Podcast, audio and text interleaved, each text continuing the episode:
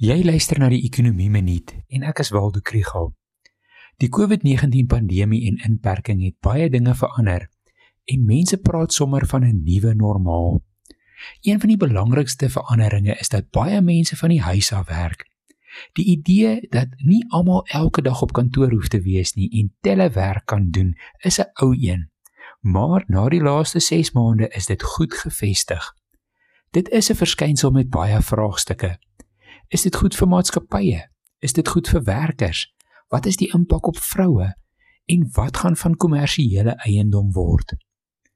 Oor die korttermyn lyk dit of minder mense gaan terugkeer werk toe en baie werkers gaan minder gereeld ingaan kantoor toe.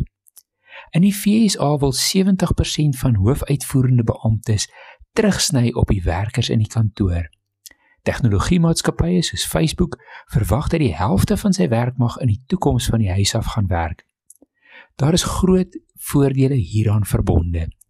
Werkgewers spaar al die koste verwant aan hulle geboue.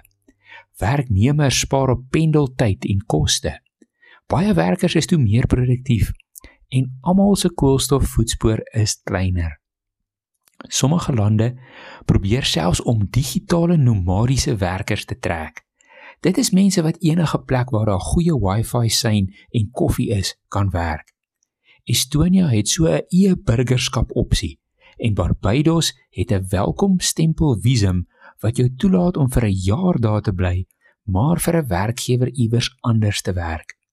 Die wêreld van werk kan baie positief verander.